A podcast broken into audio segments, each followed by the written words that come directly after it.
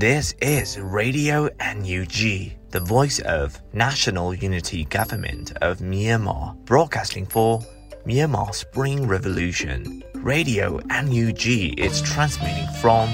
shortwave 16 meter 17.79 megahertz at 8:30 a.m. and 25 meter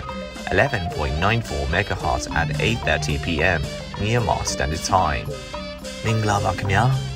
အမျိုးသားညီညွတ်ရေးအစိုးရရဲ့အတန်လွင့်ဌာန Radio NUG ကိုမနက်ပိုင်း၈နာရီခွဲမှာလိုင်းတို16မီတာစက္ကန့်တက်သမ9 MHz ညပိုင်း၈နာရီခွဲမှာလိုင်းတို25မီတာ17တက်သမ6 MHz တို့မှာဓာတ်ရိုက်ဖမ်းယူနိုင်နိုင်ပါပြီမင်္ဂလာအပေါင်းနဲ့ပြည့်စုံကြပါစေအခုချိန်ကစပြီး Radio NUG အစီအစဉ်တွေကိုဓာတ်ရိုက်အတန်လွှင့်ပေးနေပါပြီ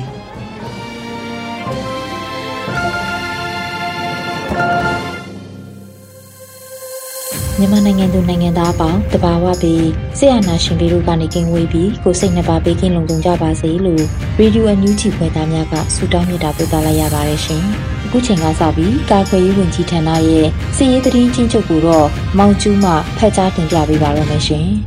။မျိုးသားညီညွတ်ရေးဆိုရကာကွယ်ဝန်ကြီးဌာနကထုတ်ပြန်တဲ့နေစဉ်စီရေးသတင်းချင်းချုပ်များကိုတင်ပြပါရမယ်ခင်ဗျာ။နေစဉ်စီရေးသတင်းချင်းချုပ်ရစစ်ကောင်စီတပ်သား24ဦးကြာဆုံးပြီးဒ ဏ်ရာရစစ်ကောင်စီတပ်သားများအပြားရှိကြောင်းသိရှိရပါတယ်။စစ်ကောင်စီနဲ့တိုက်ပွဲဖြစ်ပွားမှုသတင်းများကိုပထမဦးစွာတင်ပြပါမယ်ခင်ဗျာ။ချမ်းပြည်နယ်မှာ2022ခုနှစ်ဇူလိုင်လ4ရက်နေ့မနက်10:00နာရီခန့်က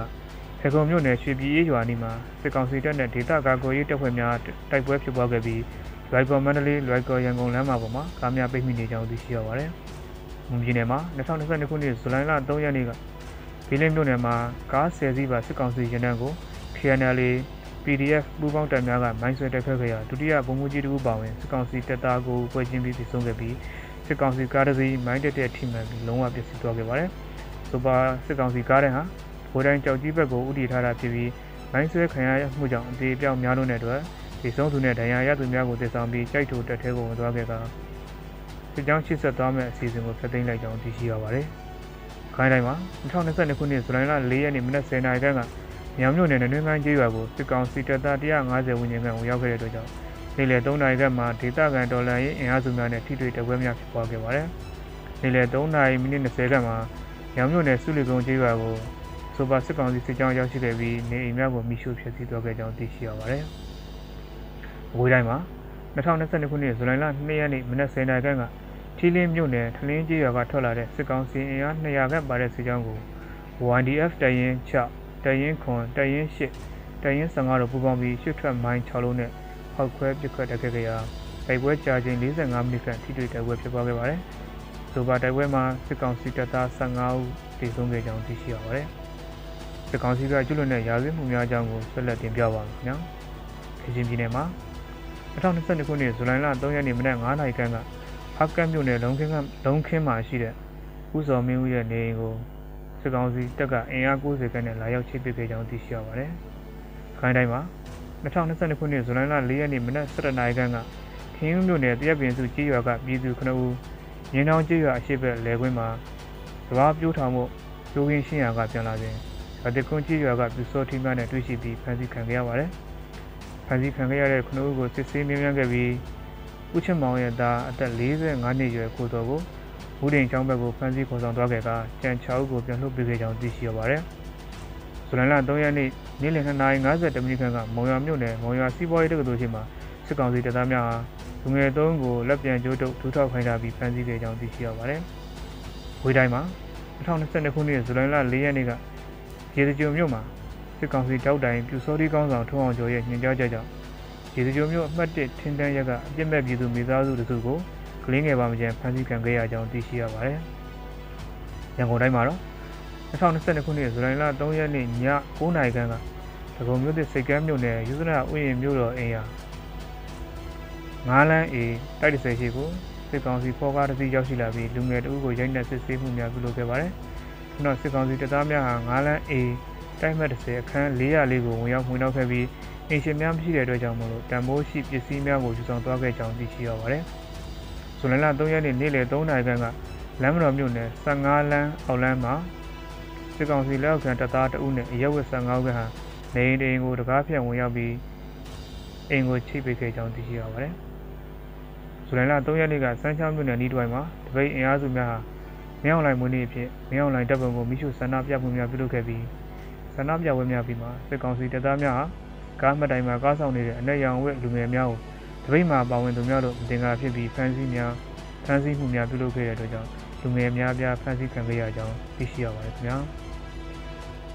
အခုတင်ဆက်ခဲ့တဲ့နေ့စဉ်စီးရီးသတင်းချင်းချုပ်များကိုရေပြင်သတင်းတာဝန်ခံများနဲ့သတင်းဌာနများကဖော်ပြထားတဲ့အချက်အလက်များပေါ်အခြေခံပြုစုထားတာဖြစ်ပါတယ်ကျွန်တော်မောင်ကျူးပါခင်ဗျာ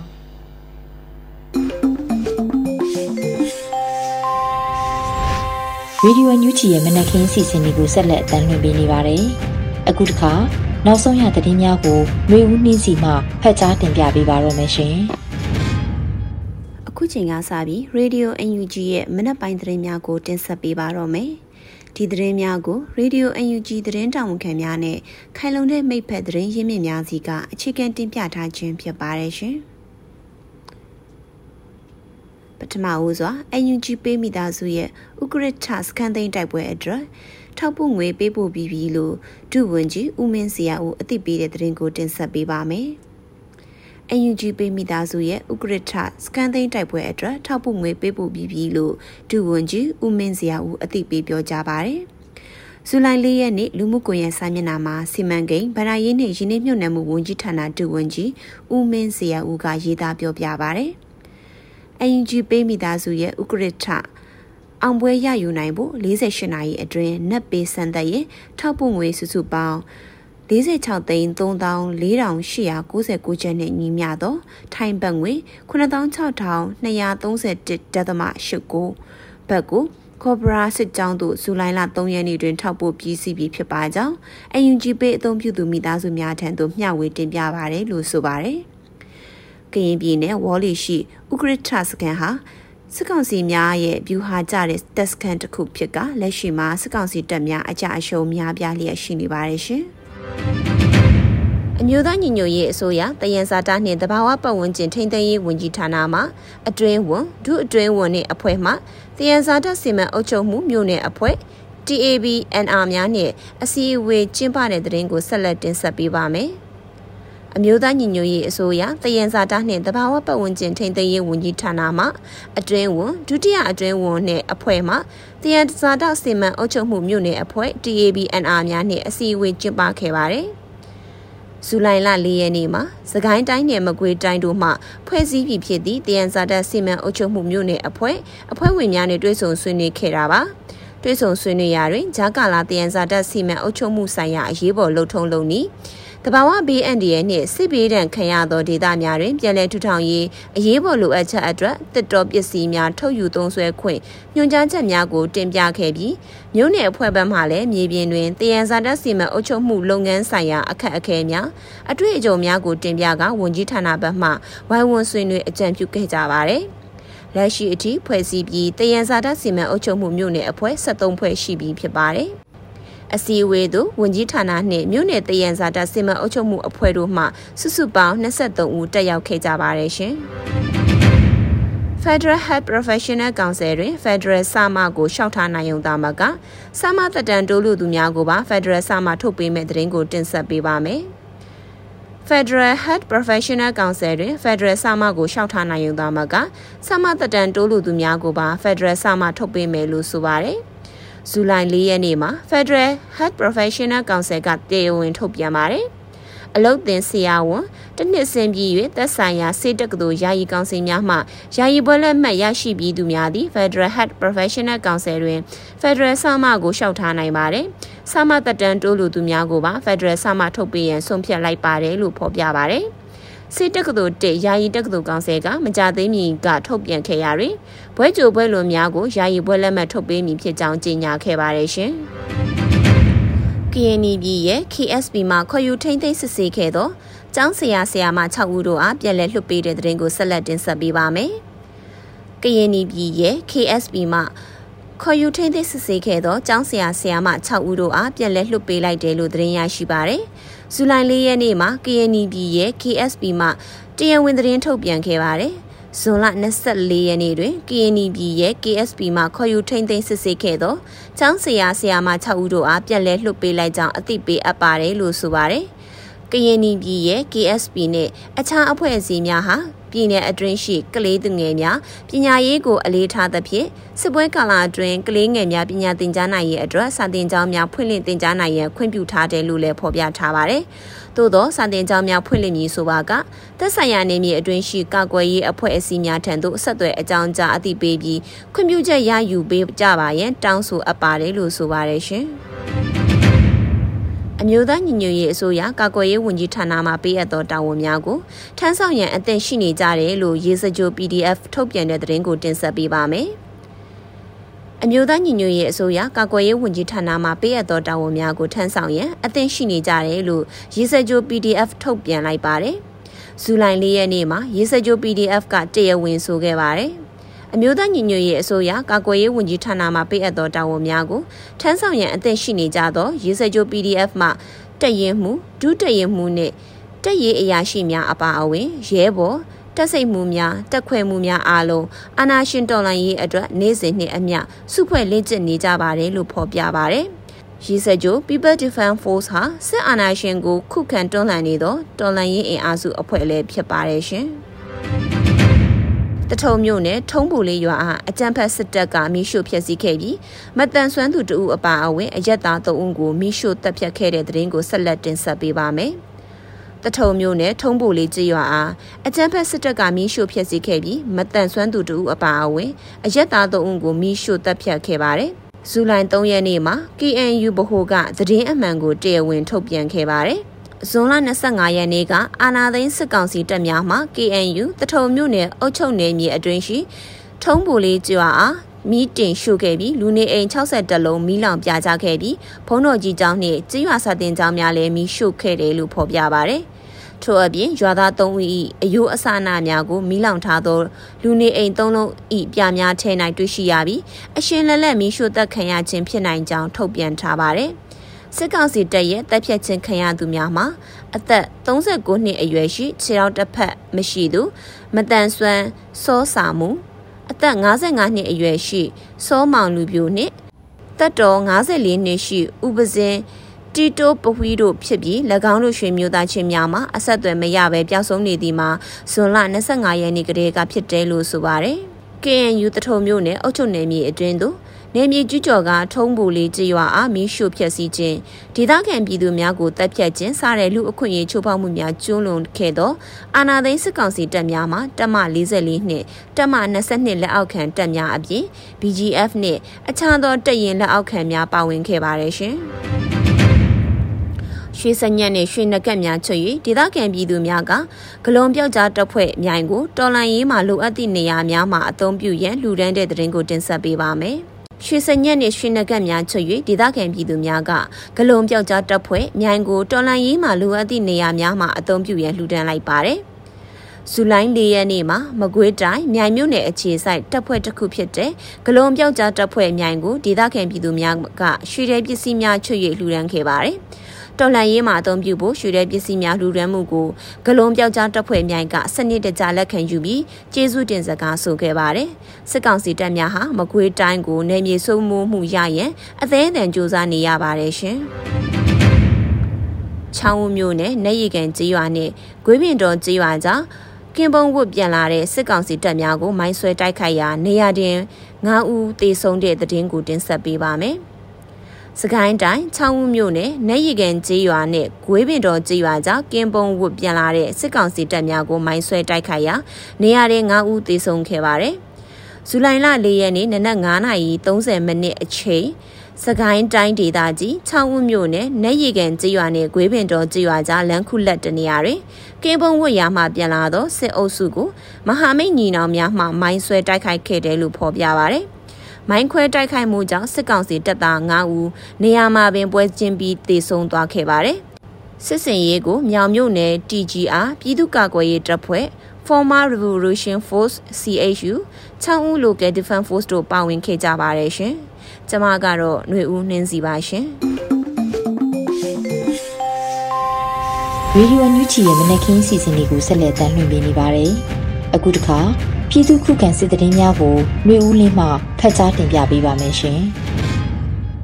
ပထမဦးစွာမြင်းကြံရနပူကြီးရွာတွင်တက်အပြောင်းလဲနှုတ်ဆက်ပွဲမှာပြန်လာသည့်စစ်ကောင်စီတပ်ဖွဲ့ဝင်6ဦးဒရုန်းဖြင့်ပုံကျဲခံခဲ့ရပြီးစစ်သား4ဦးသေဆုံးတဲ့တဲ့ရင်ကိုတင်ဆက်ပါမယ်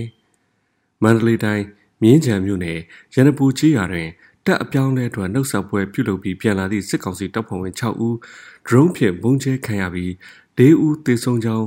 မြောင်မြို့နယ်ပြည်သူ့ကာကွယ်ရေးနှင့်လုံခြုံရေးအဖွဲ့ CDSMO ကသတင်းထုတ်ပြန်ပါတယ်။ဇူလိုင်လ3ရက်နေ့မိုးလွဲတနာရီ45မိနစ်ချိန်ရန်နပူကြီးရွာတွင်တက်အပြောင်းလဲနှုတ်ဆက်ပွဲပြုလုပ်ပြီးထိုနှုတ်ဆက်ပွဲမှာ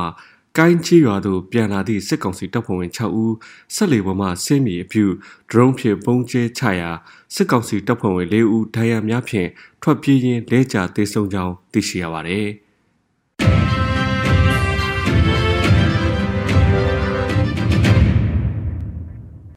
ဆလပီဥခိထစကန်တို့လက်နက်ခဲယမ်းလာရောက်ပို့ဆောင်သည့်စစ်ကြောင်းတိုက်ခိုက်ခံရပြီး20ဦးခန့်သေဆုံးတဲ့တဲ့ရင်ကိုတင်ဆက်ပါမယ်။ကရင်ပြည်နယ်မြဝတီမြို့နယ်တောင်ပိုင်းဥကိယထခြေကုတ်စခန်းသို့ဝေါ်လီဗျူဟာကုန်းမှတဆင့်လက်နက်ခဲယမ်းလာရောက်ပို့ဆောင်သည့်စစ်ကောင်စီစစ်ကြောင်းသည် KNLA KNDOE တိုက်ခိုက်ခြင်းခံရပြီး20ကျော်သေဆုံးကယာယီတရင်မူဘုံမူထင်လင်းအောင်ကအရင်ဦးဆုံးထွက်ပြေးသွားသူဖြစ်ကြောင်း အလားတူထွက်ပြေးလာသည့်တက်ကြကြီးဖုံးဟင်းကဝန်ခံထွက်ဆိုပါတယ်။ KNLA KNDO ကတိုက်ခိုက်သဖြင့်တပ်မ44ခမရ3မှ56ဦးနဲ့စကခ73မှဗိုလ်ကြီးတဦးပါဝင်10ဦးပါဝင်သော66ဦးပါစစ်ကြောင်းတွင်20ဦးဝန်းကျင်တေဆုံးခဲ့ပြီးရင်းတက်ချက်ကြီးမှလည်းကြောကုန်းတွင်40မမကြီးစာထိမှန်ကဒဏ်ရာရရှိပြီးထွက်ပြေးလာခြင်း KNL ပူးပေါင်းဖွဲ့ကဖမ်းဆီးရမိခဲ့ပြီးကော့ဘရာစစ်ကြောင်းမှ ဘူဒါဘော့ကမေးမြန်းခဲ့ခြင်းဖြစ်ပါတယ်။အကြံဖတ်စစ်ကောင်စီဟာဥက္ကဋ္ဌစခန်းအတွက်လက်နက်ခဲယမ်းများကိုပို့ရန်စစ်သား80ဦးကိုရဟတ်ရင်၄စီးဖြင့်ဝေါ်လီဗျူဟာကုန်းတွင်ပို့ဆောင်ခဲ့ခြင်းဖြစ်ပါတယ်။ဥက္ကဋ္ဌတိုက်ပွဲတွင်အကြံဖတ်စစ်ကောင်စီဘက်မှအကြဆုံးများသလိုလေကြောင်းပစ်ကူများလက်နက်ကြီးပစ်ကူများဒရဆက်ပစ်ခတ်ခြင်းကြောင့် KNL KNDO ဘက်မှကြာဆုံးသူ30ဝန်းကျင်ရှိကြောင်းသိရရှိပါသည်။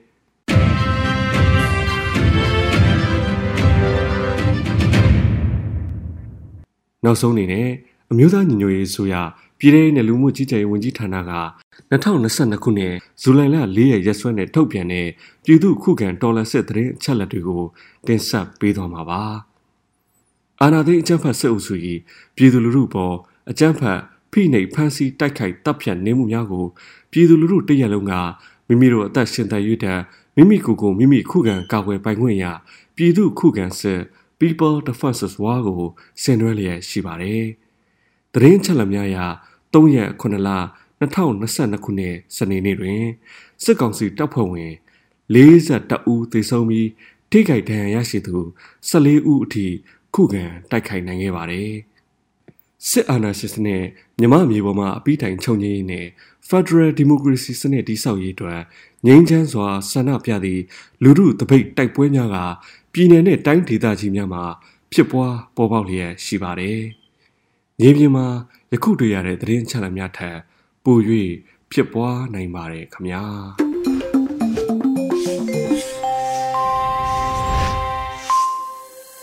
ရေဒီယိုအန်ယူဂျီပရိသတ်တွေအတွက်အခုနောက်ဆုံးနားဆင်ကြရမယ့်အစီအစဉ်ကတော့ PPTV ရဲ့နေ့စဉ်သတင်းများကိုထက်ထက်အင်ဒရာအောင်မှဖတ်ကြားတင်ပြပေးမှာဖြစ်ပါတယ်ရှင်။ ဒီကနေ့ဇူလိုင်လ၄ရက်နေ့တနင်္လာနေ့အတွက်တင်ဆက်ပေးမယ့်သတင်းတွေကတော့ပြည်ထောင်စုလွှတ်တော်ကိုစားပြုကော်မတီ CRPH နဲ့ဆက်သွယ်ရေးသတင်းချက်လက်နဲ့ဤပညာဝန်ကြီးဌာနတို့တွေ့ဆုံဆွေးနွေးတဲ့ဆိုတဲ့သတင်းမင်းတပ်မြို့နယ်တွေကကြီးရွာနေရွာကိုအကြမ်းဖက်စစ်ကောင်စီကလေရင်နဲ့တိုက်ခိုက်တဲ့အပေါ်ကြားကာလချင်းအမျိုးသားအတိုင်းအငံကောင်စီကရှုံချလိုက်တဲ့ဆိုတဲ့သတင်းစကိုင်းတိုင်းရဲ့မြေပြင်အနေထားစီရေးသုံးသက်ချက်တော်လှန်ရေးအရွေးတို့ကိုဆွေးနွေးမဲ့တော်လှန်ရေးစကားဝိုင်းပြုလုပ်မဲ့ဆိုတဲ့သတင်း ထန်တလန်မြို့ပြန်လည်ထူထောင်ရေးနဲ့ပတ်သက်ပြီးတော့ဂျားကာလာချင်းအမျိုးသားအတိုင်းအငံကောင်စီကပြည်သူတွေကိုအသိပေးထုတ်ပြန်လိုက်တဲ့ဆိုတဲ့သတင်းအကြမ်းဖက်စစ်ကောင်စီရဲ့အကြမ်းဖက်တိုက်ခိုက်နေမှုကြောင့်မုံဒေတာမှာစစ်ရှောင်း၄000ခန့်ရှိလာတယ်လို့ KNU ထုတ်ပြန်လိုက်တဲ့သတင်းနဲ့ဒီကနေ့အတွက်မြန်မာနိုင်ငံတဝန်ကလူမျိုးပေါင်းစုံဘာသာပေါင်းစုံပါဝင်တဲ့ဆရာနာရှင်တော်လှန်ရေးဆန္ဒပြလူလူတပိတ်သတင်းတွေပဲဖြစ်ပါတယ်။ ပထမဆုံးတင်ဆက်ပေးမယ့်သတင်းကတော့ပြည်ထောင်စုလွှတ်တော်ကိုစားပြုကော်မတီ CRPH နဲ့ဆက်သွယ်ရေးသတင်းအချက်အလက်နဲ့ဤပညာဝန်ကြီးဌာနတို့တွေ့ဆုံဆွေးနွေးတယ်ဆိုတဲ့သတင်းပါပြည်ထောင်စုလွှတ်တော်ကိုစားပြုကော်မတီ CRPH နဲ့အမျိုးသားညီညွတ်ရေးအစိုးရစက်သွေးရေးတည်င်းချက်လက်နဲ့ဤပညာဝန်ကြီးဌာနတို့ကြားတွေ့ဆုံဆွေးနွေးမှုကိုဇူလိုင်လ10ရက်နေ့မှာဗီဒီယိုကွန်ဖရင့်ကနေတဆင့်ပြုလုပ်ခဲ့ကြပါတယ်။အစည်းအဝေးမှာပြည်ထောင်စုလွှတ်တော်ကိုစားပြုကော်မတီအတွင်းရေးမှူးဒေါ်ဖြူဖြူသိန်းကအဖွင့်အမှာစကားပြောကြားပေးပြီးတော့ အဲ့ဒီနောက်မှာတော့ဆက်သွယ်ရေးတည်င်းချက်လက်နဲ့ဤပညာဝန်ကြီးဌာနပြည်ထောင်စုဝန်ကြီးဦးထင်လင်းအောင်ကဝန်ကြီးဌာနရဲ့မူဝါဒတွေကိုပြောကြားခဲ့ပါတယ်။ ပြည်ထောင်စုဝန်ကြီးဦးထင်လင်းအောင်ကဆက်သွယ်ရေးနဲ့ပတ်သက်ပြီးတော့တင်နန်းပေးနေမှုတွေနိုင်ငံတကာမိဖက်အဖွဲ့အစည်းတွေနဲ့ချိတ်ဆက်ဆောင်ရွက်မှုတွေ United Bone System တိစောက်တာတွေဂျာကာလာပညာရေးအတွက် home based learning system နဲ့တခြားသော education system တွေကို IT နည်းပညာနဲ့ဆောင်ရွက်တာ data dashboard တွေတိစောက်တာ public voice television radio NUG ဆောင်ရွက်ထားရှိမှုတွေနဲ့ဆက်လက်ဆောင်ရွက်သွားမယ့်လုပ်ငန်းစဉ်တွေကိုရှင်းလင်းတင်ပြခဲ့ပါတယ်။ အဲဒီနောက်မှာတော့တက်ရောက်လာတဲ့လွှတ်တော်ကိုယ်စားလှယ်တွေကဆွေးနွေးအကြံပြုချက်တွေပြုလုပ်ခဲ့ကြပြီးတော့ CRPH ရဲ့ရေးရာကော်မတီတွေကလုပ်ငန်းဆောင်ရွက်မှုအခြေအနေတွေကိုတင်ပြဆွေးနွေးခဲ့ပါတယ်။အစည်းအဝေးကိုပြည်ထောင်စုလွှတ်တော်ကိုစားပြုကော်မတီအတွင်ရေးမှူးနဲ့အဖွဲ့ဝင်တွေရေးရာကော်မတီတွေရဲ့ကော်မတီဥက္ကဋ္ဌတွေအတွင်ရေးမှူးတွေတက်ရောက်ခဲ့ပြီးတော့ဆက်သွယ်ရေးတည်င်းချက်လက်နဲ့ဤပညာဝန်ကြီးဌာနကပြည်ထောင်စုဝန်ကြီးတက်ရောက်ခဲ့ပါတယ်။ ဆလတ်တင်ဆက်ပေးမှာကတော့မင်းတပ်မြို့နယ်ကကြီးရွာနေမှာကိုအကြမ်းဖက်စစ်ကောင်စီကလေရင်နဲ့တိုက်ခိုက်တဲ့ပေါ်ကြားကာလာချင်းမြို့သားအတိုင်းနိုင်ငံကောင်စီကရှုံချလိုက်တဲ့ဆိုတဲ့သတင်းကိုတင်ဆက်ပေးပါမယ်။မင်းတပ်မြို့နယ်ကကြီးရွာနေရွာကိုအကြမ်းဖက်စစ်ကောင်စီကဇူလိုင်လ2ရက်မနက်7:00နာရီဝန်းကျင်ခန့်မှာလေရင်နဲ့တိုက်ခိုက်ခဲ့တဲ့အပေါ်ဂျာကာလာချင်းမြို့သားအတိုင်းနိုင်ငံကောင်စီ ICNCC ကရှုံချရဲဆိုတဲ့ကြေညာချက်ကိုဒီကနေ့မှထုတ်ပြန်လိုက်ပါတယ်။ ထုတ်ပြန်ချက်မှာဇူလိုင်လ2ရက်မနက်7:00နာရီဝန်းကျင်မှာချင်းပြည်နယ်မင်းတပ်မြို့နယ်ချက်ကြီးရွာနဲ့စွန်အောင်ကြီးရွာတို့ကိုအကြမ်းဖက်စစ်ကောင်စီကစစ်လေယာဉ်တွေနဲ့အင်အားသုံးပစ်ခတ်တိုက်ခိုက်ခဲ့ရာချက်ကြီးရွာမှာချင်းတိုင်းသား3ဦးထိမှန်သေဆုံးပြီးတော့ပြည်သူအများအပြားထိခိုက်ဒဏ်ရာရရှိကခရီးယန်ဖုန်ကြီးကျောင်းတစ်ကျောင်းစာတင်ကျောင်းတစ်ကျောင်းနဲ့လူနေအိမ်တွေထိခိုက်ပျက်စီးခဲ့ရတယ်လို့ဖော်ပြထားပါတယ်။အခုလိုချင်းပြည်နယ်အတွင်းကချင်းတိုင်းသားတွေနေထိုင်ရာကြေးရွာတွေစီကိုစစ်လေယာဉ်တွေနဲ့ကျူးကျော်ဝင်ရောက်ပစ်ခတ်တိုက်ခိုက်တာက စစ်ကောင်စီတပ်ဖွဲ့ရဲ့ချင်းတိုင်းသားပြည်သူတွေပေါ်ကျူးလွန်တဲ့စစ်ရာဇဝဲမှုဖြစ်လို့ ICNCC အနေနဲ့ပြင်းထန်စွာကန့်ကွက်ရှုံချတယ်လို့ဆိုထားပါတယ်။ချင်းပြည်နယ်အပါအဝင်တိုင်းသားပြည်နယ်တွေနဲ့ပြည်မဒေသတွေကပြည်သူတွေကိုစစ်လေရင်တွေအုံပြုပြီးတော့တာလွန်အင်အားအုံပြုပစ်ခတ်တိုက်ခိုက်တာကဘယ်လိုကောင်းကျိုးမှဖြစ်ထွန်းစေနိုင်မှာမဟုတ်ပဲစစ်ကောင်စီအပေါ်တိုင်းသားလူလူရဲ့နာကြီးမှုကိုသာပုံမိုပြီးတော့ကြီးထွားစေမှာဖြစ်တယ်လို့ထုတ်ပြန်ချက်မှာဖော်ပြထားပါတယ်။ ဆက်လက်တင်ဆက်ပေးမှာကတော့စကိုင်းတိုင်းရဲ့မြေပြင်အနေအထားစစ်ရေးတုံးသက်ချက်တော်လှန်ရေးအရွေးတို့ကိုဆွေးနွေးမဲ့တော်လှန်ရေးစကားဝိုင်းပြုလုပ်မယ်ဆိုတဲ့သတင်းမှာမမများနဲ့ပွဲကမဲ့အစီအစဉ်ကနေစကိုင်းတိုင်းရဲ့ပထဝီမြေပြင်အနေအထားလက်ရှိစစ်ရေးတုံးသက်ချက်တော်လှန်ရေးအရွေးနဲ့မမရီသာစကိုင်းတိုင်းရောက်ခဲ့ရင်ဆိုတဲ့အချက်တွေကိုအခြေခံပြီးတော့တော်လှန်ရေးစကားဝိုင်းတစ်ခုကိုဇူလိုင်လ9ရက်မြန်မာစံတော်ချိန်8နာရီမှာပြုလုပ်သွားမှာပါ တော်လှန်ရေးစကားဝိုင်းကိုအမျိုးသားညီညွတ်ရေးအစိုးရကာကွယ်ရေးအတွင်းဝင်ဦးနိုင်ထူအောင်စီဒီယန်ဘူကြီးလင်းထအောင်တို့ကဥဆောင်ဆွေးနွေးပြောကြားပေးသွားမှာဖြစ်ပြီးတော့ moderator အဖြစ်နဲ့ဒေါက်တာဖြိုးတီဟာကဆောင်ရွက်ပေးသွားမှာပါ မမများနဲ့ပွဲကမဲ့အစီအစဉ်ကပုံမှန်တင်ဆက်မှုဖြစ်နေမြေပြင်တော်လှန်ရေးစကားဝိုင်းတွေပြုလုပ်နေတာဖြစ်ပြီးတော့ဒီတစ်ခေါက်ပြုလုပ်တဲ့စကားဝိုင်းကလှူဒန်းသူပြည်သူတွေအနေနဲ့ရောမြေပြင်တရင်တွေတာမန်ပြည်သူတွေပါမဖြစ်မနေစောင့်ကြည့်တဲ့နားထောင်တဲ့နယ်လို့ညွှန်ဆိုထားသလိုတော်လှန်ရေးနဲ့ပတ်သက်ပြီးတော့လက်ရှိအခြေအနေကိုအခြေခံကြကြလူတို့ရှင်ဆွေးနွေးကြမှာဖြစ်တယ်လို့လည်းဆိုထားပါတယ်။ ဆလတ်တင်ဆက်ပေးမှာကတော့ထန်တလန်မြို့ပြန်လည်ထူထောင်ရေးနဲ့ပတ်သက်ပြီးတော့ဂျာကာလာချင်းမြို့သားအတိုင်းအမြံကောင်စီကပြည်သူတွေကိုအသိပေးထုတ်ပြန်လိုက်တဲ့ဆိုတဲ့သတင်းမှာထန်တလန်မြို့ပြန်လည်ထူထောင်ရေးနဲ့ပတ်သက်ပြီးတော့ဂျာကာလာချင်းမြို့သားအတိုင်းအမြံကောင်စီ ICN ပြည်သူတွေကိုအသိပေးထုတ်ပြန်ချက်ကိုဇူလိုင်လ3ရက်မှာထုတ်ပြန်လိုက်ပါတယ်။ ထုတ်ပြန်ချက်မှာအကြမ်းဖက်စစ်ကောင်စီကချင်းပြည်နယ်အစိုးရအဖွဲ့ဆိုသူတွေဦးဆောင်ပြီးတော့ထန်တလန်မြို့နယ်ပြည်လဲထူထောင်ရေးနဲ့ပြည်လဲတိဆောက်ရေးဆိုင်ရာလုပ်ငန်းညှိနှိုင်းအစည်းအဝေးတရက်ကိုဇွန်လ30ရက်ဟာခမြို့မှာကျင်းပပြုလုပ်ခဲ့တယ်လို့ဆိုရှယ်မီဒီယာတွေမှာရေးသားဖော်ပြချက်အရသိရှိရတယ်လို့ဖော်ပြထားပါတယ်။ထန်တလန်မြို့ပျက်စီးဆုံးရှုံးမှုဖြစ်ခဲ့ရတာဟာတဘာဝဘေးကြောင့်မဟုတ်ပဲစစ်ကောင်စီတပ်ဖွဲ့ဝင်တွေကရက်ဆက်စွာမိရှုဖျက်ဆီးတာလက်နက်ကြီးနဲ့မီးလောင်ဘုံတွေနဲ့ပစ်ခတ်တာတွေကြောင့်ဖြစ်ပြီးတော့ ဇွန်လ23ရက်နေ့ထိထန်တလန်မြို့ပေါ်မှာရှိတဲ့ခရီးယန်ဖျားကျောင်းတွေဘာသာရေးအဆောက်အဦတွေအပါအဝင်ပြည်သူပိုင်အဆောက်အဦတွေပုဂ္ဂလိကနေအိမ်တွေ1300ကျော်ပျက်စီးဆုံးရှုံးခဲ့ရတယ်လို့ဆိုပါတယ်။ထန်တလန်မြို့ပြန်လည်ထူထောင်ရေးနဲ့ပြန်လည်တည်ဆောက်ရေးဆောင်ရွက်ရမှာအသွင်ကူးပြောင်းရေးဆိုင်ရာတရားမျှတမှု transitional justice ဆိုင်ရာလုပ်ငန်းစဉ်တွေမဖြစ်မနေပါဝင်ရမှာဖြစ်ပြီးတော့အဲ့ဒီအသွင်ကူးပြောင်းရေးဆိုင်ရာတရားမျှတမှုဖော်ဆောင်ရေးဆိုင်ရာလုပ်ငန်းစဉ်က အကြမ်းဖက်စစ်ကောင်စီရဲ့ပြည်သူတွေကိုတာလွန်အင်အားနဲ့တိုက်ခိုက်နေခြင်းအတွင်းဘယ်လို့မှမဖြစ်နိုင်ဘူးလို့ဆိုပါတယ်။လက်ရှိအချိန်မှာထန်တလန်မြို့ပေါ်မှာကျူးကျော်ခြေကုပ်ယူထားတဲ့စစ်ကောင်စီတပ်ဖွဲ့ဝင်တွေနဲ့ဒေသခံပြည်သူ့ကာကွယ်ရေးတပ်ဖွဲ့တို့ကြားအချိန်မရွေးတိုက်ခိုက်မှုဖြစ်ပွားနိုင်တဲ့အခြေအနေဖြစ်တယ်လို့ဖော်ပြထားသလိုပြည်သူတွေအနေနဲ့ထန်တလန်မြို့ပေါ်သို့ပြန်လည်ဝင်ရောက်တာချီချရန်လှုံ့ဆော်တာတွေအတွက်ကြိုးချောင်းစီလျော်တဲ့လုံခြုံမှုမရှိနိုင်သေးဘူးဆိုတာကိုသတိရှိကြဖို့အတွက်လည်းသတိပေးထားတာကိုတွေ့ရပါတယ်။ ဒါအပြင်ထန်တလန်မြို့နယ်ပြည်လဲထူထောင်ရေးနဲ့ပြည်လဲတိဆောက်ရေးလုပ်ငန်းစဉ်သက်ဆိုင်ရာဒေသခံပြည်သူ့အုပ်ချုပ်ရေးအဖွဲ့တွေပြည်သူ့ကာကွယ်ရေးတပ်ဖွဲ့တွေအပါအဝင်ပြည်ရင်းပြည်ပမှာရှိတဲ့ထန်တလန်မြို့နယ်သူမြို့နယ်သားများအားလုံးပါဝင်လျက်ဆောင်ရွက်ကြမယ့်လုပ်ငန်းစဉ်တရက်ဖြစ်တယ်လို့လည်းဖော်ပြထားပါတယ်။ဆရာနာရှင်စနစ်ဖြုတ်ချရေး Federal Democracy ပြည်အောင်စုတည်ဆောက်ရေးနိုင်ငံရေးတန်းတူမှုနဲ့ကိုယ်ဝိုင်းပြဋ္ဌာန်းခွင့်ပြေဝတဲ့ချင်းပြည်နယ်အဖြစ်ထူထောင်ရန်တိုက်ပွဲဝင်ကြိုးပမ်းနေချိန်မှာထန်တလန်မြို့နယ်ပြည်လဲထူထောင်ရေးနဲ့ပြည်လဲတည်ဆောက်ရေးဆိုတဲ့ခေါင်းစဉ်နဲ့ အကြမ်းဖက်စစ်ကောင်စီပြုလုပ်လာတဲ့လှည့်ကွက်တွေကိုအထူးသတိပြုကြဖို့အတွက်လည်းထုတ်ပြန်ချက်မှာဖော်ပြထားတာကိုတွေ့ရပါတယ်။အခုတခါတင်ဆက်ပေးမှာကတော့အကြမ်းဖက်စစ်ကောင်စီရဲ့အကြမ်းဖက်တိုက်ခိုက်မှုကြောင့်မုံဒေတာမှာစစ်ရှောင်း၄000ခန့်ရှိလာပြီလို့ KNU ထုတ်ပြန်လိုက်တဲ့ဆိုတဲ့သတင်းမှာကရင်မျိုးသားအစည်းအရုံး KNU ညောင်လေးပင်ခရိုင်မုံမြို့နယ်မှာအကြမ်းဖက်စစ်ကောင်စီတရဲ့လေကြောင်းတိုက်ခိုက်မှုနဲ့လက်နက်ကြီးပစ်ခတ်မှုတွေကြောင့်ထွက်ပြေးတိမ်းရှောင်နေရတဲ့ပြည်သူလူထုဦးရေတိုးလာပြီးတော့ စုစုပေါင်း4000ခန့်ရှိလာပြီလို့ KNU ကထုတ်ပြန်ပါတယ်။ဇူလိုင်လ2ရက်နေ့မှာမုံမြို့နယ်မှာရှိတဲ့အကြမ်းဖက်စစ်ကောင်စီတပ်စခန်း9ခုကို KNU တပ်မဟာ3ပူးပေါင်းတပ်ဖွဲ့ကတိုက်ခိုက်သိမ်းယူခဲ့ပြီးတဲ့နောက်စခန်းသိမ်းတိုက်ပွဲနဲ့နှီးတဲ့ကြေးရွာတွေကဒေသခံတွေထွက်ပြေးတိမ်းရှောင်ခဲ့တယ်လို့ အဲဒီနောက်ပိုင်းမှာစစ်ကောင်စီတပ်ကလေကြောင်းနဲ့ပုံကျဲတာတွေလက်နက်ကြီးတွေနဲ့ရွာကိုပစ်ခတ်တာတွေလှုံ့ဆော်ခဲ့လို့ဒေသခံများစွာတင်းရှောင်ခဲ့ရတာလို့ဖော်ပြထားပါတယ်။ဇူလိုင်လ3ရက်စီးရင်နေရရွာပေါင်း26ရွာကလူဦးရေ3928ဦးထိထွက်ပြေးတင်းရှောင်နေရပြီးတော့ကျန်းမာရေးနဲ့စာဝတ်နေရေးအခက်အခဲတွေကြုံနေရကြောင်းအသိပေးထားပါတယ်။စစ်ဆောင်အများစုကအမျိုးသမီးတွေကလေးတငယ်တွေနဲ့တက်ကြီးရွယ်တွေဖြစ်ကြောင်း KNU ကထုတ်ပြန်ခဲ့ပါတယ်။ စစ်ကောင်စီတပ်ဟာဒေသခံတချို့ကိုဖမ်းဆီးရိုက်နှက်တာတပ်ရင်အားတိုးချဲတာလေရင်နဲ့ထောက်လန့်တာကျေးရွာတွေအတွင်းရန်တမ်းပစ်ခတ်တာတွေလှုပ်ဆောင်နေတယ်လို့ဆိုပါတယ်။ KNU တပ်မဟာတဲတထုံခရိုင်တထုံမြို့နယ်ထုံးပိုလေးကြီးရွာကိုလည်းအကြမ်းဖက်စစ်ကောင်စီတပ်ကဇွန်လ25ရက်မှာမိရှုခဲ့လို့အင်ဂျီ62လုံးမိလောင်ပြကြခဲ့တယ်လို့ KNU ကထုတ်ပြန်ခဲ့ပါတယ်။မိလောင်ပျက်စီးတဲ့အထက်မှာဖုန်ကြီးကျောင်းနဲ့ကြီးရွာစာတင်ကျောင်းလည်းပါဝင်တယ်လို့ဖော်ပြထားပါတယ်။ မိလောင်ထားတဲ့နေအိမ်ပြတွေမှာရွာသား၃ဦးရဲ့အယိုးအစအနာတွေတွေ့ရပြီးတော့အဲ့ဒီ၃ဦးထဲမှာမတန်ဆွမ်းတအူးပါဝင်တယ်လို့လည်းထုတ်ပြန်ခဲ့ပါတယ်။အဲ့ဒီရွာသားတွေကဇွန်လ25ရက်ကတည်းကပျောက်ဆုံးနေတာဖြစ်တယ်လို့လည်းသိရပါတယ်။အဲ့ဒီရွာသားတွေဟာအရှင်လက်လက်မိရှို့တက်ခံရတာဒါမှမဟုတ်တက်ပြီးမှမိရှို့ထားတာလည်းဖြစ်နိုင်ကြောင်း KNU တထုံမြို့နယ်သတင်းနဲ့ပြန်ကြားရေးတာဝန်ခံရဲ့ပြောကြားချက်ကိုဖော်ပြထားပါတယ်။ ထုံးမိုလီကြီးရွာကိုမိရှို့ဖျက်ဆီးတာဒေသခံပြည်သူ၃ဦးကိုတပ်ဖြတ်တာစတဲ့လူခွင့်ရေးချိုးဖောက်မှုတွေကိုကျူးလွန်ခဲ့တာဟာစစ်ကောင်စီရဲ့တပ်မ44တပ်မ22လက်အောက်ခံတပ်တွေနဲ့စစ်ကောင်စီလက်ပါစီနေကြားဆောင်တပ် BGF တခြားသောတပ်ရင်းလက်အောက်ခံတွေဖြစ်တယ်လို့ထုတ်ပြန်ခဲ့ပါတယ်